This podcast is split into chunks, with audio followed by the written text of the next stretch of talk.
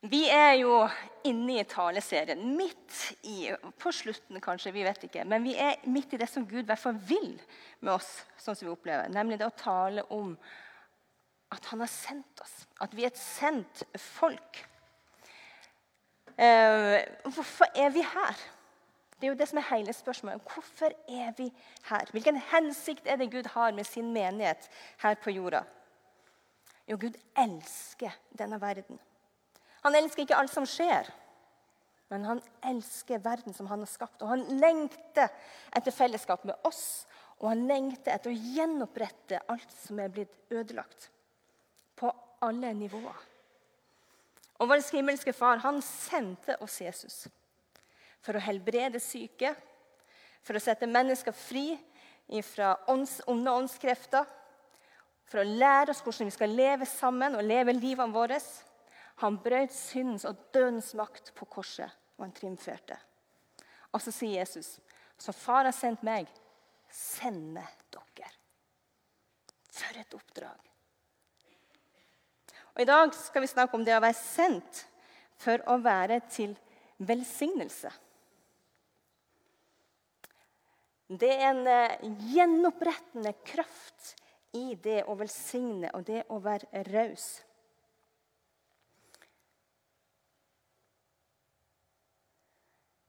Når rettskaffene velsigner, blir byen bygget opp. står det i ordspråkene 11.11. 11. Det er fantastisk. Og Se nå bare det bildet her. Vi hadde en nydelig helg med nydelige solnedganger, nydelige soloppganger. Og jeg er så heldig å få bo på toppen av Brakehaug. Og bare noen meter utenfor huset så har jeg denne utsikta. Helt fantastisk. Du ser den horisonten, og Gud har bare bredd ut den himmelen. Og så er det byen som ligger under der. Vet du hva? Det er helt umulig å ikke bli glad i Haugesund. Og Vi kan godt se litt på det og så kjenne at hjertet banker for Haugesund. Dette er byen vår. Og Gud har lagt sitt hjerte for Haugesund ned i hver enkelt av oss. Han elsker denne fine byen. Og Av og til så minner han oss om det med å spre en sånn himmel over byen. Bare for å si husk at jeg elsker byen. Husk at jeg vil velsigne den. Og det Jesus begynte på den gangen for over 2000 år siden, det har han gitt i hendene på menigheten. Ikke i hendene på meg, men på oss. Oss. Jesus han identifiserte seg med menigheten. Og jeg er bare en kroppsdel. En tå en fot, et øre. Og hva er en kroppsdel uten resten av kroppen? Jeg må være kobla på hele kroppen hvis jeg skal komme i ordentlig funksjon. Da vi bodde i eh, Farsund, så hadde vi noen eh, vi har stadig veldig fine naboer, men da hadde vi en nabo hvor det var ikke så mye um, hekk som skilte imellom. Vi hadde liksom bare gjort litt enkelt for ungene våre å gå fram og tilbake. Og Da minstemann skulle vende seg av med bleie, så nøt han veldig godt av den åpne hagen til naboene. Fordi at eh, Jeg gikk jo rundt og gjerne spurte måtte du følge ekstra med. Har du vært på do. Ja, ja, ja, jeg har vært på do. Og så spurte jeg en har du vært på do. Ja, jeg har vært på do. Veldig skråsikker. Og jeg tenkte jeg har ikke sett han gå inn på do. Og så måtte jeg spørre men hvor har du vært på do, da? Jeg har vært ute på den doen som er i naboen sin hage. For Naboene våre de hadde nemlig en do i hagen. Ikke en utedo, men du er sånn type do som er den du har inne, hvor du tar den ut for å gjøre det litt hyggelig. Du putter gjerne noen blomster oppi, et eller annet. det skal være sånn eh, kjekt og fint. Altså, Våre naboer de kom aldri så langt, for å si det sånn. Den sto der bare, midt i hagen. Og den nøyt minstemannen vår seg godt ut av, for da hadde han vært på do. Men skal den doen funke, så må den koble seg på resten av huset. Den må koble seg på avløp, på rør og på vann. Hvis ikke så er den til pent lite nytte annet enn sånne som skal vende seg av med bleie. Det, og sånn, dere! Sånn er det med oss også. Og det er en stor utfordring. For vi er flaska opp med å tenke individuelt. Meg, mitt, ikke være avhengig av noen andre. Jeg skal klare meg sjøl. Og hva er det jeg får ut av dette? Og Vi snakker jo også om å være personlig kristen. Og ikke misforstå meg nå, for jeg mener det er kjempeviktig å ha en personlig tro som du eier fullt og helt sjøl. Men det betyr ikke at den er privat, og den bare gjelder meg og mitt liv.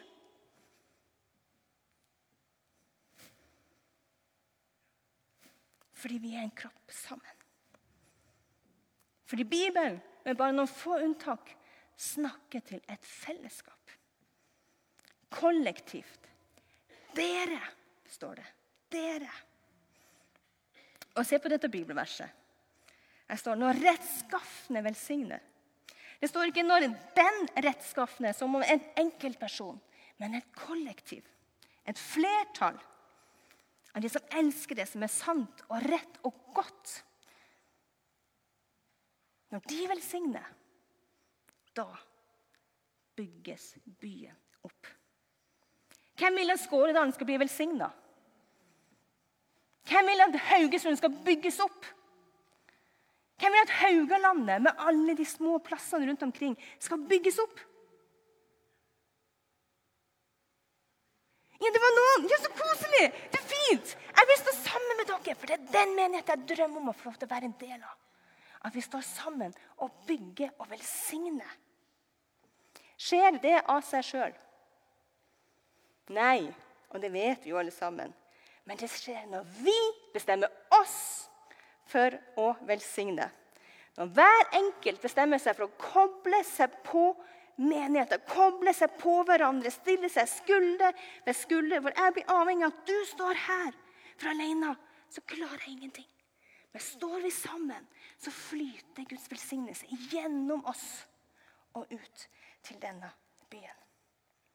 Å koble seg på noe som er større, handler om å se det Gud har gitt deg, som en del av et ledd i det som han holder på med.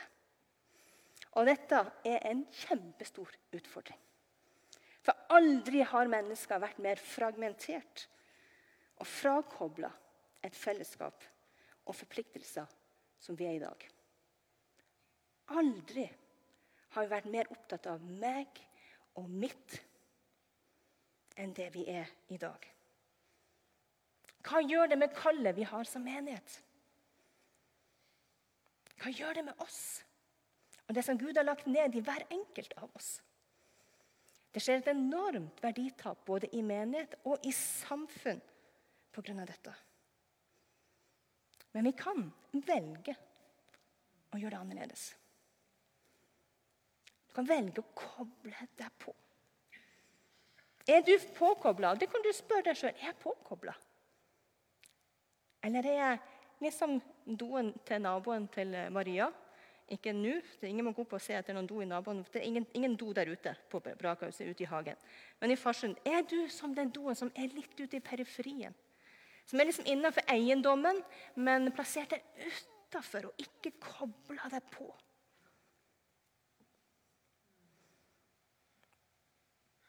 Det er en gjenopprettende kraft i raushet. Og det å bestemme seg for å være til velsignelse. På slutten av en gudstjeneste, i hvert fall nesten hver gudstjeneste, så pleier vi å velsigne, lyse velsignelsen. Hva er det vi gjør da? Jo, da sier vi 'Herren velsigne deg og bevare deg'.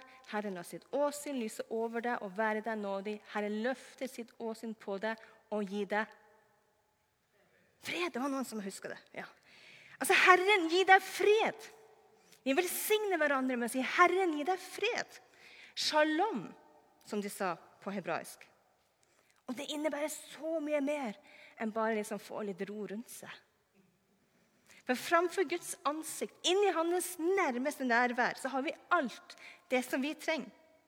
Alle våre behov, åndelig, sosialt, relasjonelt, følelsesmessig, fysisk Alt dette er i en harmoni. Det er komplett. All brutthet og uperfekthet, det forsvinner. Og du står midt i en hage av full trivsel og oppblomstring. Shalom, det er den freden. Det er det bildet av fred som ligger i shalom. Og shalom har rotordet shalam, som betyr hel, komplett, fullkommen og fullstendig. Og det er det du erfarer når du står fullt og helt framfor Guds ansikt. Og sånn var det i Edens hage. Alt var perfekt. En hage i fullstendig harmoni. Relasjonen med Gud den var perfekt. Relasjonen med hverandre den var perfekt. Kroppene våre feila ingenting. Det var ingenting som var brutt eller gått i stykker. Inntil det øyeblikket hvor mennesket vendte ryggen til Gud og kobla seg fra livskraften. For de ville klare seg sjøl. Fra da begynte ting å falme. Falle sammen og gå i stykker. Vi mista shalom. Og Vi begynte å kjempe med Gud og vi begynte å kjempe med hverandre. Og vi driver rovdrift på naturen. Og jeg klarer ikke engang å gjøre det som er til beste for mitt eget. Men vet du hva velsignelse er? Det å ta tilbake noe av det shalom. Det å ta tilbake, å få tilbake noe av den shalom, Guds fred. Den freden, den trivselen, den helheten, harmonien, ettersom vi kommer nærmere og nærmere Gud. Livskraften. Et godt bilde på det er flor og fjære. Hvem er det som ikke har flor og fjære på sin ønskeliste? Jeg har ennå ikke hatt gleden av å vært der, men jeg har kjempelyst Vi hører de fantastiske fortellingene om den vidunderlige holmen av hage. Det bugner.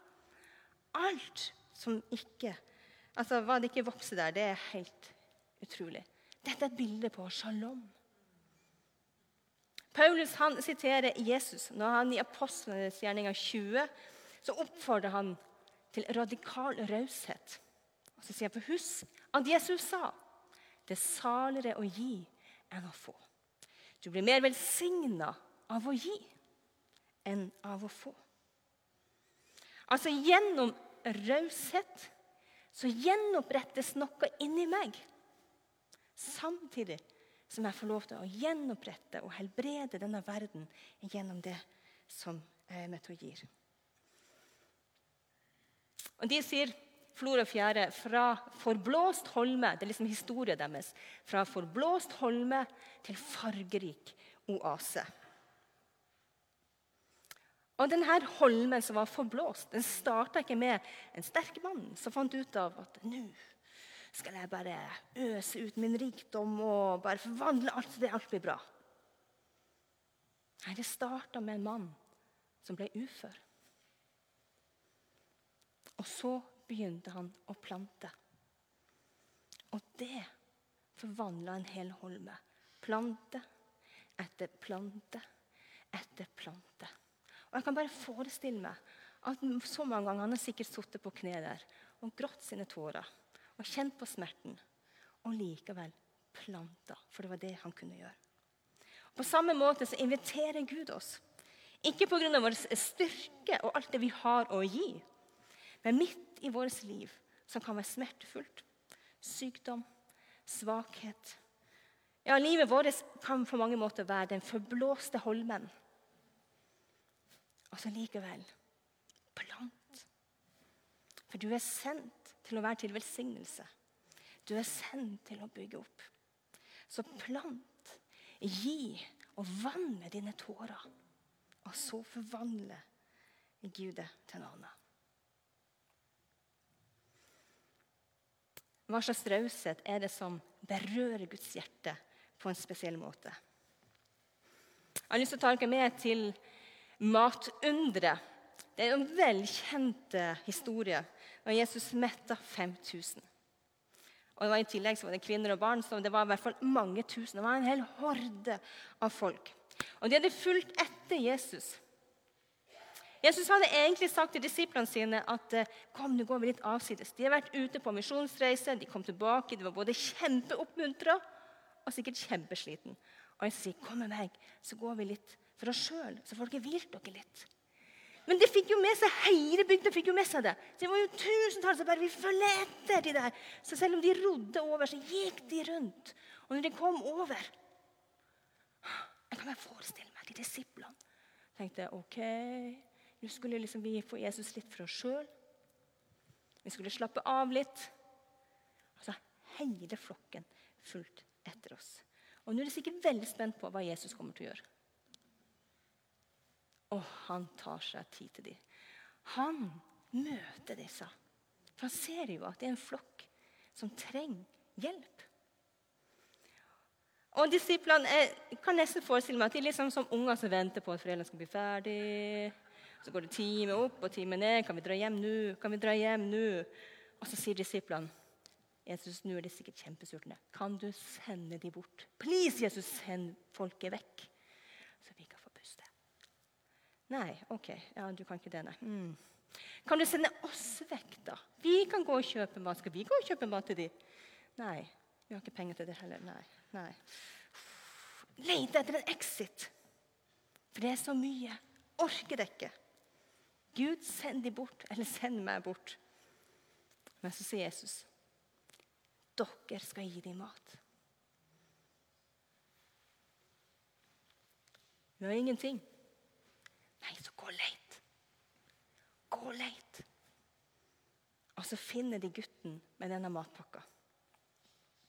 Vi vet jo ikke engang navnet på han. Men disiplene finner han og tar han med seg til Jesus. Og Gutten han gir Jesus matpakka si. Det er fem brød og det er to fisker oppi der. Og Jesus tar imot. Han løfter det opp, og han velsigner det. Og bam, så skjer det et under. Miraklet skjer. Og hvor ofte er det ikke at jeg jeg skal ikke si hva du gjør, men jeg kan utsnakke fra meg sjøl.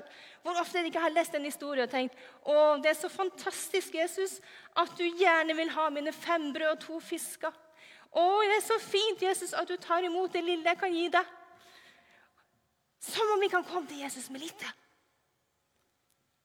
Som om det ikke er så nøye hva du kommer til Jesus med. For han klarer seg jo med ei matpakke. Så åpner jeg kjøleskapet mitt, og så bugner det. Og så kommer vi til Jesus med gårsdagens matpakke, kanskje. For det er ikke sant med den historien. For gutten ga Jesus alt han hadde.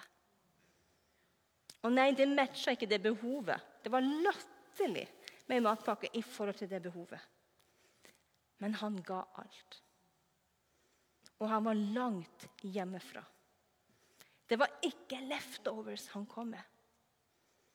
Hvem tror du var det lykkeligste blant de mange tusen som var der? Det vet vi ikke noe om, men jeg kan forestille meg at den gutten måtte ha en sånn skikkelig wow. Tenk hva Jesus gjorde med matpakka mi. Tenk at jeg fikk lov til å være med på det. Tror du gutten ble velsigna av å gi? Kanskje det var han som tok med tolv kurver hjem? Når, var over, når alt var over og folk hadde spist seg mett, kom han hjem med tolv kurver, kanskje. Tror du han kjente seg fattig? Nei, det er saligere å gi enn å få. Det er mer velsignelse i å gi enn å, å få. Og Blant de mange tusen så tipper jeg han var den som følte seg aller mest velsigna. Radikal raushet gjenopprette og det helbrede. Det kobler seg på Guds kraft, som kan gjøre så uendelig mer enn det vi ber om og forstår. Men det er forskjell på det å gi rester av overflod og gi det første og kanskje eneste du har, til Gud. En annen fortelling fra Bibelen som understreker dette, det er historien om Kain og Abel. Kain og Abel var de første, de var de første barna til Adam og Eva. Eh, og Da skal vi til første Mosebok, kapittel 4, vers 3-5. Der står det Da det var gått en tid, hendte det at Kain bar fram for Herren et offer av åkerens grøde. Også Abel bar fram et offer av de førstefødte dyrene, av småfe og av fettet på dem. Herren så med velvilje på Abel og offeret hans, men på Kain og hans offer så han ikke med velvilje. Ok, hva står det her? Dette er jo noen vers som ikke nødvendigvis alle syns det, å, det er så vakkert. Det er liksom blomsten på marka og alt det der. Jeg har ikke hørt om noen som får gåsehud av den teksten. Men den hjelper oss til å forstå noe som er kjempeviktig. Tenk på hele Gamle testamentet. Den peker fram mot Jesus. Det er et hav av frampek på at en dag skal det komme en som skal løse dere ut. Som skal frelse dere. Og Hele Gamle testamentet også viser oss hvem Gud er. Så hva var forskjellen på det offeret som Kain kom med, mot det offeret som Abel kom med? Jo, Kain så det, Da det var gått en tid Altså, jeg ser for meg han beregna mm, den, den, den, den delen kan du få, Gud. For han ga ett offer. Abel han ga de førstefødte dyra.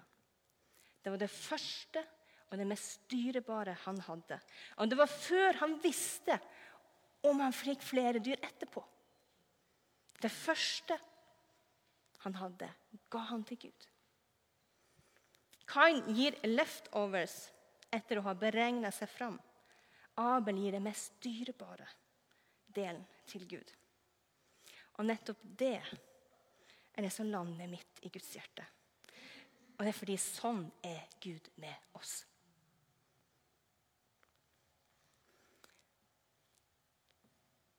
Når Gud gir sitt løfte til Abraham om at gjennom hans slekt skal hele jorda velsignes, så er det fordi Gud ga oss Jesus.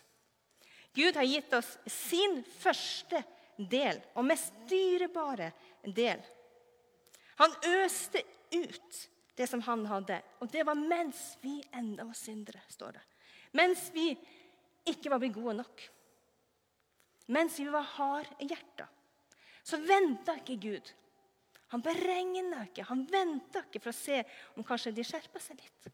Kanskje i hvert fall ble litt sånn verdig. Men mens vi sto med ryggen til og var lukka, så ga Gud oss den første og den beste og den mest dyrebare delen han hadde, sin eneste sønn. Og fordi Jesus ikke holdt noe tilbake, men ga sitt eget liv, så har hver den som tror, fått en evig velsignelse. Det ligger en evighet med shalom i vår framtid. Her er det bare stykkevis og delt. Og vi er kalt til å gjenopprette, hente ned stykkevis og deler av Guds rike. Men radikal raushet, det er Guds vesen. Og det er gjennom det at Gud gjenoppretter både evig livet der framme og livet her og nå. Fordi han elsker deg så høyt. Og han lengta så inderlig etter å ha fellesskap med deg. At du skulle få tilbake det shalom som han skapt deg til å være i. Så ga han fra seg alt. Han øste det ut. Han ble fattig for at du skulle bli rik. Han tok på seg sykdom som du skulle være frisk. Han tok de skyld på seg, som du skulle bli skyldfri og fri. Han ble håna. Han ble slått, og han ble drept. For du ikke skulle gå fortapt og være evig borte fra Gud. Så høyt er du elska. Og så inderlig vil han ha deg tilbake til sitt shalom. Der hvor alt er komplett. Og når vi hviler i troa på det, ja, da holder vi ikke så hardt i våre egne privilegier. Men vi setter det i frihet. Og så etterligner vi Gud sjøl og gir. Øser ut. Ja, av og til så blir vi fattige for at andre skal berike. Ja, av og til så sliter vi oss ut for at andre skal få velsignelse. Men det er en evig glede å få stå i det som Gud gjør. Og Det er en evig glede å få lov til å etterligne Gud med det vi er, og det vi har. Og det er en evig glede å få lov til å bygge opp byen gjennom å velsigne. Og derfor er vi her. Derfor er det et vi. Derfor må vi være radikalt påkobla hverandre og leve i radikal raushet. Sånn viser vi hvem Gud er. Takk, Jesus, fordi du har gitt oss alt. Takk fordi du har ikke holdt tilbake noe, men du har øst ut. Og takk fordi i denne rikdommen får vi lov til å stå. Og takk fordi du også kaller oss til å ligne deg. Du kaller oss til å være med og velsigne. Takk fordi du er til stede fysisk, hender og føtter, her på jorda, Jesus, gjennom din menighet. Så ber vi, far, om at du skal kalle på hver enkelt av oss. Sett oss på rett plass. Sett ting i rett stand, sånn som du vil ha det. Og la oss få lov til å være til velsignelse her på Haugalandet. I Jesu navn.